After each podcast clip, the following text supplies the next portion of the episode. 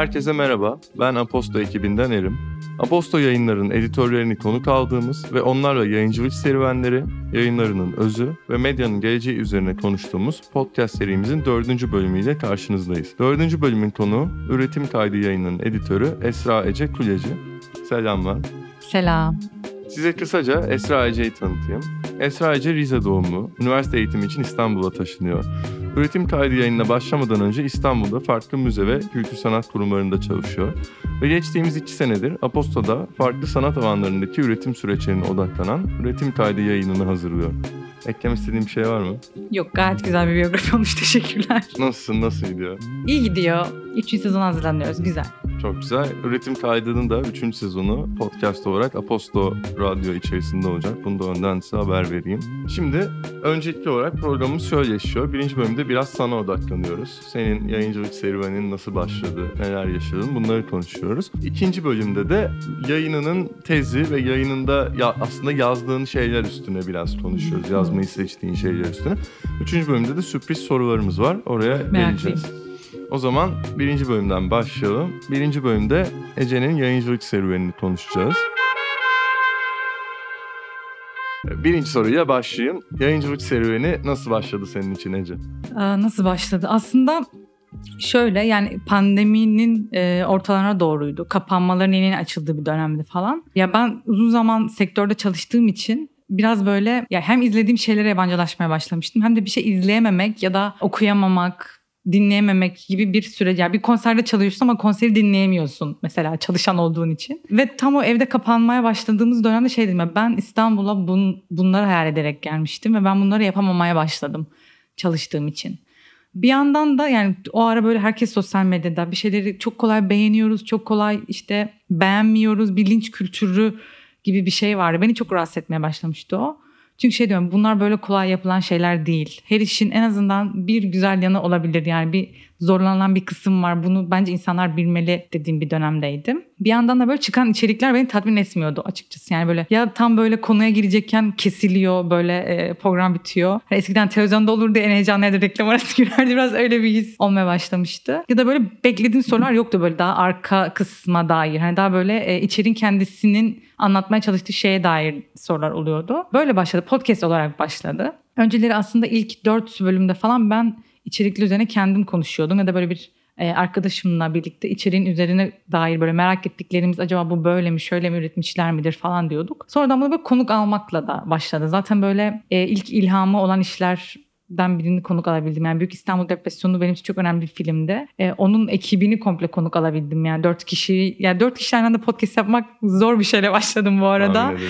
Aynen çok zordu o Zoom ee, ama çok şey de öğrendim. Ee, böyle başladı diyebilirim. Ama podcast hala ülkemizde aslında çok dinlenen ve böyle herkesin hızlı tüketebildiği, daha doğrusu alışkın olduğu bir şey değil. Yani dinleme alışkanlığı olarak. Sonra da böyle 6. ayında falan aslında Aposto ile tanışmış oldu yayınım ve yazılı bir format halinde yapmaya başladık bunu. Tabii burada hani e, yeni bir şeydi bu da bizim için yani hem ilk, ilk podcast ve yazılı içerik olacak bir şeylerden biriydi öğretim kayda posta içerisinde. Bunu tabii ki de ekiple birlikte oturttuk. Yani yazmayı aslında çok seviyordum ama Türk dili okuduğum için biraz ondan da böyle. Yani bir şey iş olarak yapmaya başladığınız zaman hani koparsınız ya öyle bir şey olmuştu bende. O yüzden Aposto'nun kanal yapısı bana çok iyi gelmişti. Yani gerçekten böyle evet çünkü biraz dağınık düşünen biriyim. Ben bunları kanallara edirebiliyorum. Aradaki bağlantıları o kanal sayesinde sağlayabiliyorum. Ya evet yazabiliyorum ben falan hani olduğum bir şeydi. O beni çok mutlu etmişti. Ee, öyle de yazılı formatı başlamış oldu ama böyle bir röportaj gibi değil de hani daha böyle o dinlediğiniz şeyin bir tekrar hikaye olarak anlatılması olarak başladı. Yani sanırım bir dönem çalışırken bu işi yapmaya başladın ve sonra aslında işini bırakıp tamamen içerik üreticine, bireysel bir içerik üreticisi olarak bu işe odaklandın. Ve hani bu işi bırakıp ben tamamen buna odaklanacağım dediğin an yani o süreç nasıl gelişti? Senin için zor oldu mu? Bunları nasıl aştın? Bu, bu kendi başına bir üretim kaydı zaten benim sürecim gerçekten. Şöyle e, ben üretim kaydına başladığımda çalışmıyordum. Sonrasında bir iş e, buldum. Hani işte çalışmaya başladım. Tam zamanlı bir iş. Uzun da böyle bir mesai saati vardı gerçekten. Hani benim için uzundu daha doğrusu. Hani sabah gelip akşam çıktığımız bir iş. Ben şey dedim işe başlayacağım zaman. Hayır bunu bir dene Ece. Çünkü hani sen konuk aldığın insanlarda da bu süreçlerden başlarına geçen çok fazla kişi var. Yani hem çalışıyor hem hayal ettiği şeyi yapmaya çalışıyor aynı zamanda. Ve dedim ki bunu bir deneyeceğim. Ben bunu yapmaya çalışacağım. Gerçekten uyumadım. Yani bu şaka değil. Gece 3'lere 4'lere kadar bunu yapmaya çalıştım. Mesela bazen ilk zamanlarda bülten böyle dakik gidemedi hiçbir zaman. Hep o saat kaydı. Çünkü yazı yazıyorsun böyle bir geç saatte yazmaya çalışıyorsun kafanı topluyorsun. Yani hafta sonumu full buna ayırdım. Yani sosyal hayat diye bir şey kalmamıştı o dönem. Kimseyle buluşmuyordum. Hafta sonu tamamen bunu yapıyordum. Bir gün şey oldu yani o hafta böyle ard arda denk geldi bu. Artık bana böyle basın e, olarak hani bu podcast içeriğiniz için sizi davet etmek isteriz deyip ben böyle işte olduğum için gidememeye başladım falan ve şey dedim bir dakika ben bir şey kaçırıyorum şu an ve ben orada aslında bunu yapmak istiyorum zaten. Yani uykusuz hayatımda ilk kez bu arada uykusuz kalacak ve böyle uzun süre devam ettirebildiğim tek şey üretim kaydı. Bunu da söylemek istiyorum. Dedim ki burada bir şey var ve ben hani şu an üzülüyorum. Benim bunu şey yapmam lazım. Yani tamamen buna odaklı bir şeyi denemem lazım nasıl olacak diye. Onu denemeye karar verdim. Bunu da işle paylaştım. Zaten böyle yeni yıla giriyorduk. 2022'ye giriyorduk yani. Dedim ki böyle Hayır 2022 evet 2022'ye giriyorduk. Dedim ki böyle bir karar aldım ben tam zamanlı olarak bu işi nasıl yapabiliyorum. Yani tam zamanlı yaptığımda nerelere evrilebiliyor. Yani en azından daha dikkatli daha az hatalı yapabiliyor muyumu görmek istiyordum. Güzel geçti. Güzel geçti yani gerçekten hani böyle film izlediğim, konserlere gittiğim dolu dolu bir şey geçirdim bu aya kadar. Mutluyum yani o anlamda çok güzel anlattın. Ee, şeyi de görüyorum mesela biraz üretim kaydından bahsedecek olursak üretim kaydı podcast'i de yayını da aslında farklı alanlarda üretim yapan insanların yaşadığı bu üretim sürecini yaşadıkları zorlukları bu zorluklara nasıl göğüs gerdiklerini ele alan bir seri. Ve hani burada şeyi merak ediyorum. Sen bu podcastlere başladıktan sonra mesela işini bıraktın, çok ciddi cesur adımlar aldın ve biraz aslında kendi hikayen konuk aldığın insanların hikayesiyle de kesişiyordur. Yani buna benzer cesaretleri, buna benzer e, insanların da böyle adımlar almasını, onların ağzından dinlemek e, senin için bir moral motivasyon oldu mu? Seni nasıl etkiledi bu süreçte? E, öğreticianlar oldu. Zaten şey bunu ben çok seviyorum mesela. O an o podcast'te konuşurken benim kafamda dönüyor hani böyle aa evet kendim deneyimimden bu olabilir ya da işte eski konuk şunu demişti falan gibi bir şeyden. Ama böyle şey bunun yazılı formatta olmasını o yüzden seviyorum. Orada ben böyle ne öğrendim? Kendime notum, üretenler için buradan ne öğrenebiliriz ya da notum, notumuz ne olabilir diye bir kısım var üretim kaydının yazılı halinde. Orada zaten öğrendiğim şeyleri not düşüyorum. Ya moral kesinlikle oluyor ama hani e, mesela cesur adım dedin ya. Ya ben mesela o kadar cesur muyumu böyle çok sorguladım hani e, bu kararı verirken. Çünkü şeydim aslında benim için cesur olacak şey hani ben mesela çok ileride hani sinema ile ilgili üretim yapmak istiyorum. Hani bir senaryo yazmak istiyorum Hani böyle bir hayalim var. Bu benim çok çocukluktan beri gelen bir hayal aslında. Ama mesela bu hayalimi unuttuğum bir dönemin ürünü de aslında öğretim kaydı. Hani rafa kaldırdım ben o fikirleri yapamayacağım galiba dedim. Ya da işte ya bu ülkede olmayacak bu galiba falan dediğim bir şeydenken hani herkes bunları aşıyor ve bir şekilde kendi kolektif havasını oluşturup yani mesela film için konuşuyorum tabii burada. Çünkü film gerçekten bir ekip işi tek başına yapabileceğiniz bir şey değil. Orada o ekibi kurabiliyor, onu bulabiliyor. Geç de olsa yani bazı insanlar kendi film için 10 sene bekliyor. Yani o senaryo hazır halinden bile yani. Benim en öğrendiğim şey bu oldu yani. Biraz beklemenin kötü olmadığı. Hani o hep biz bir şeyleri kaçırıyoruz. İşte hadi biz yapana kadar başkası yapıyor falan. Öyle bir şey değil bu. Yani bekleyebiliriz. Bu kötü bir şey değil. Bunu başında da öğrendiğim bir şeydi. Yani böyle daha zamanla ilişkisi, üretimin zamanla ilişkisi üzerine düşünmeyi planlıyordum ben ama çok farklı dinamikler çıktı tabii ki de yani herkeste. Ee, o yüzden şey gelmiyor bana yani moral veriyor kesinlikle ve şunu da görüyorum hani herkesin hikayesinin benzer noktaları var. Çünkü hani aynı ülkedeyiz ve hani her evimiz aynı şeylerle uğraşıyoruz. Hani kimi böyle aile desteği görmemekle, sonra onu aşmakla, kimi böyle iş işiyle onu yürütmekle vesaire gibi. Ya burada işin ne olduğunu da çok önemi yok bu arada. Yani bir beyaz yaka işte olabilir, başka bir işte olabilir. Yani mesela mezun olduğu bölüm dışında iş yapıyor olması da bunun işin, işin içine giriyor bence. Yani orada üretmek istediği şeyle geçinemediğimiz bir düzen var ve bunu bir şekilde orada süspans etmeye çalışıyor herkes.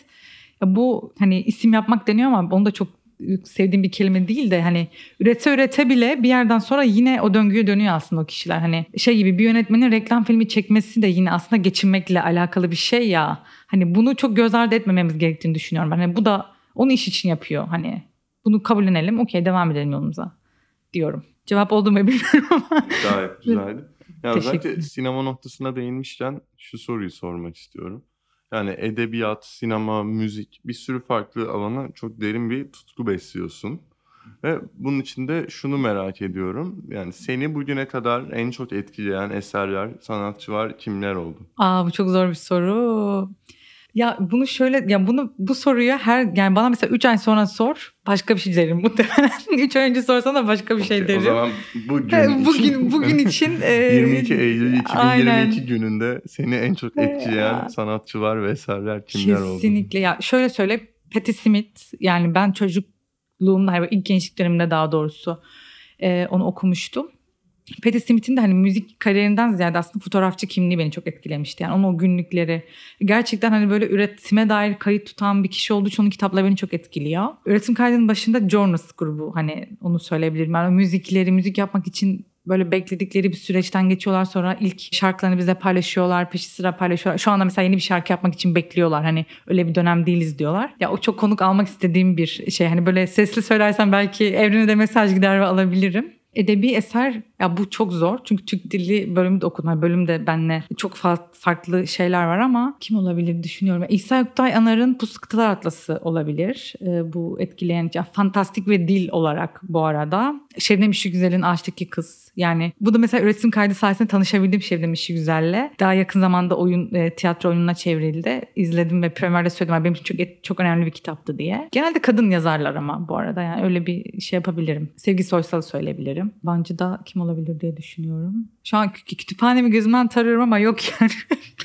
Kesinlikle gel, gelmiyor. Evet bu kadar şimdilik diyebilirim. Ya edebiyatta şey ama yani böyle daha insanın duygu durumuyla ilgili şeyler ilgimi çekiyor. Bu da galiba gerçekten üretmeye üzerine düşündüğüm için diye düşünüyorum. Yani o duygu durumuyla ilgili öyle kitaplar beni daha etkiliyor yani özellikle. Hani bir ressamın hayatını anlatıyorsa yani bir sanatçının hayatını anlatıyorsa gibi gibi şeyler daha böyle etkilendiğim kitaplar oluyor. Ha Murakami tamam buldum Murakami kesinlikle en etkilendiğim isimlerden biri. Evet, anladığım kadarıyla o hep beğendiğin şeylerde de o üretim sürecini de eserine yansıtabilen insanlara ayrı bir beğeni ve tutku besliyorsun. Evet kesinlikle. Ya o zaman ikinci bölümümüz de aslında bunun üstüne hani üretmek, üretme kavramı ve hani üretim süreçleri üstüne. Buradan oraya geçelim. Çok basit bir soruyla başlamak istiyorum. Yani şu an belki çok klişe ama hani bütün yayınının temeline üretme kavramını almışsın. Bunun üstüne konuşuruz. Hani senin için bu kavram neden bu kadar önemli ve ne anlama geliyor?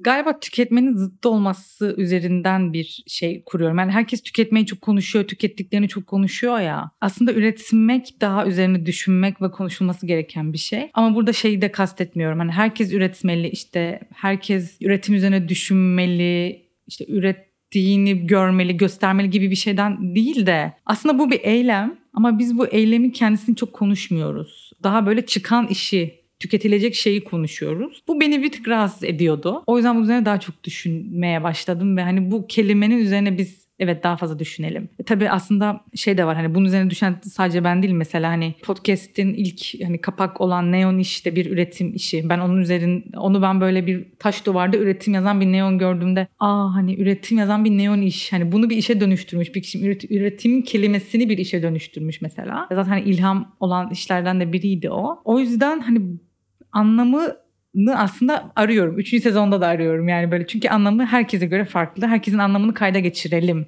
dediğim bir şey. Ama dediğim gibi bunun eylemi üzerine biraz düşünmek. Yani üretmek bir eylem aslında kelimeden ziyade. O eylemin üzerine biz düşünelim. Herkesin farklı bir üretme biçimi var. Bunun üzerine düşünelim. Yani bendeki anlam o diyebilirim yani. Yani hepimiz düzenli olarak bir aslında üretim baskısı içindeyiz. Yani senin podcastlerinden dinlediğim kadarıyla mesela sen oradaki sürece daha çok önem veriyorsun. Ve hani bu üretimin temelinde arkada yatan, yatan çok derin bir süreci olan eserleri ön plana çıkarıyorsun. Ama yani ben de bu baskıyı hissediyorum. Herhangi bir insan da bu baskıyı hissediyor ve sence bu baskı belki sen de hissediyorsun ve bu baskının neticesinde bu podcast başladı. Hani nasıl etkiye, etkiliyor sence bu baskı bizi? Hani seni ve etrafındaki insanları, konuştuğun kişileri. Ee, aslında şöyle üretmeye nasıl baktıklarıyla ilgili insanların biraz mesela ben influencerların da bir üreten olduğunu düşünüyorum bu arada. Yani şöyle hani onlar da bir fotoğraf çekimi planlıyor. İşte ya bir fikir düşünüyor. Bir ürünü nasıl kendi deneyimleriyle birleştirerek sunabileceğini düşünüyorlar mesela. Bence bu da bir üretim. Ama mesela onlar için hani çok kolay kazanıyorlar, işte çok kolay yapıyorlar gibi bir şey oluyor ya, öyle bir algı oluyor ya. Burada biraz para devreye giriyor işte hani o dediğin şey, o baskı hissettiren şey. Mesela oyuncularda da hani bir bölüm başına işte şu kadar alıyormuş. Aman işte çıkan işe bak falan. Aslında bu değil konuşmamız gereken şey ya. Ama biz hep bunu konuşuyoruz. Çünkü para üzerinden bir baskı yaratılıyor. Çünkü işte neden işte bir insan mesaili bir işte çalıştığı zaman hani şey gibi oluyor. Saat eme- emek doğrudan ama öyle bir şey değil üretim. Tam tersi zamanın kendisinin paradan çok daha kıymetli olduğu bir şey yani. Çünkü hani mesela konuklarımla konuşurken de hani İlayda'yı konuk aldığımda oyuncu e, o bana söylediğinde ben çok bunun üzerine aa evet hiç böyle düşünmemiştim dediğim bir bölümde mesela o. Şey demişti. Tiyatroda çok özgürsün ama mesela sinemada hava durumu bile devreye giriyor. Yani bir saniye için beklemen gerekebiliyor 3 saat yağmur yağdı diye falan. Evet hani zamanı zamanı şey yapamıyorsun ya orada. Paran olsa bile orada o zamanla ilgili e, sorunu halledemiyorsun mesela. Burada hani biraz zaman üretmek ilişkisi. Bu, ya ikisi çok ilişkili bir şey ama biz böyle para aslında en büyük ilişkili olduğu şeymiş gibi davranıyoruz. Ben öyle olduğunu düşünmüyorum. Gerekli para tabii ki de yaşamamız için. Onu ayrı bir yere koyuyorum ve insanlar ürettikleriyle para kazanmalılar. Bunu da canı gönülden destekliyorum. Ben benim de hayalim bu çünkü ileriye doğru. Ama devreye giren şeyler işte diyorum ya biraz linç kültürü, sosyal medya, dijital dünya. Yani çok kolaymış gibi gözüküyor herkese her şey ama öyle bir dünya yok. Yani böyle bir dünya yok. o yüzden bilmeleri gerekiyor bunu diyorum ben de. O zaman üçüncü bölümümüze geçiyorum. Evet çok merak ediyorum buradaki soruları. Üçüncü bölümümüzde e, üretim kaydından da esinlenerek sana hazırladığımız bazı hızlı sorular var. Ben soracağım, sen de hemen cevap vereceksin bana. Hazır mısın? Esra mı Ece mi? Ece, İstanbul mu Rize mi? e, İstanbul. Sinema mı tiyatro mu? bu, bu, bu yok. Bu ikisi de yok. Yok, cevap bu- vermek zorundasın. Aa bu seçemem ki Evet, mümkün seçmek değil. zorundasın hemen. Sinema mı tiyatro mu? Peki şöyle üretmek için tiyatro, izlemek için sinema. Tamam kabul ettim. Direnmek mi üretmek mi? Üretmek. İlkbahar etkinlikleri mi sonbahar etkinlikleri mi? İlkbahar. Yazılı içerik mi sözlü içerik mi? Ama bu nasıl bunu nasıl seçeyim? Mümkün değil. Ama okey yazılım. Gezgin salon mu film ekimi mi? Wow. Film ekimi. Bireysel üretim mi kolektif üretim mi? Bu da bu da yok ya. Yok, o- İkisi olmak farklı. Aa, ama bunlar çok zor sorular. Tamam kolektif peki. Nuri Bilge mi Zeki Demirkubuz mu? Yani zor. Değil Nuri Bilge. o zaman bu bölümde sonuna geldik. Ece'ye. Ece'yi tercih ediyormuş. Ediyormuş. Teşekkür Evet ediyoruz. ben teşekkür ediyorum. Bir sonraki bölümde başka Görüşmek bir üzere. Aposto yayıncısıyla görüşmek üzere.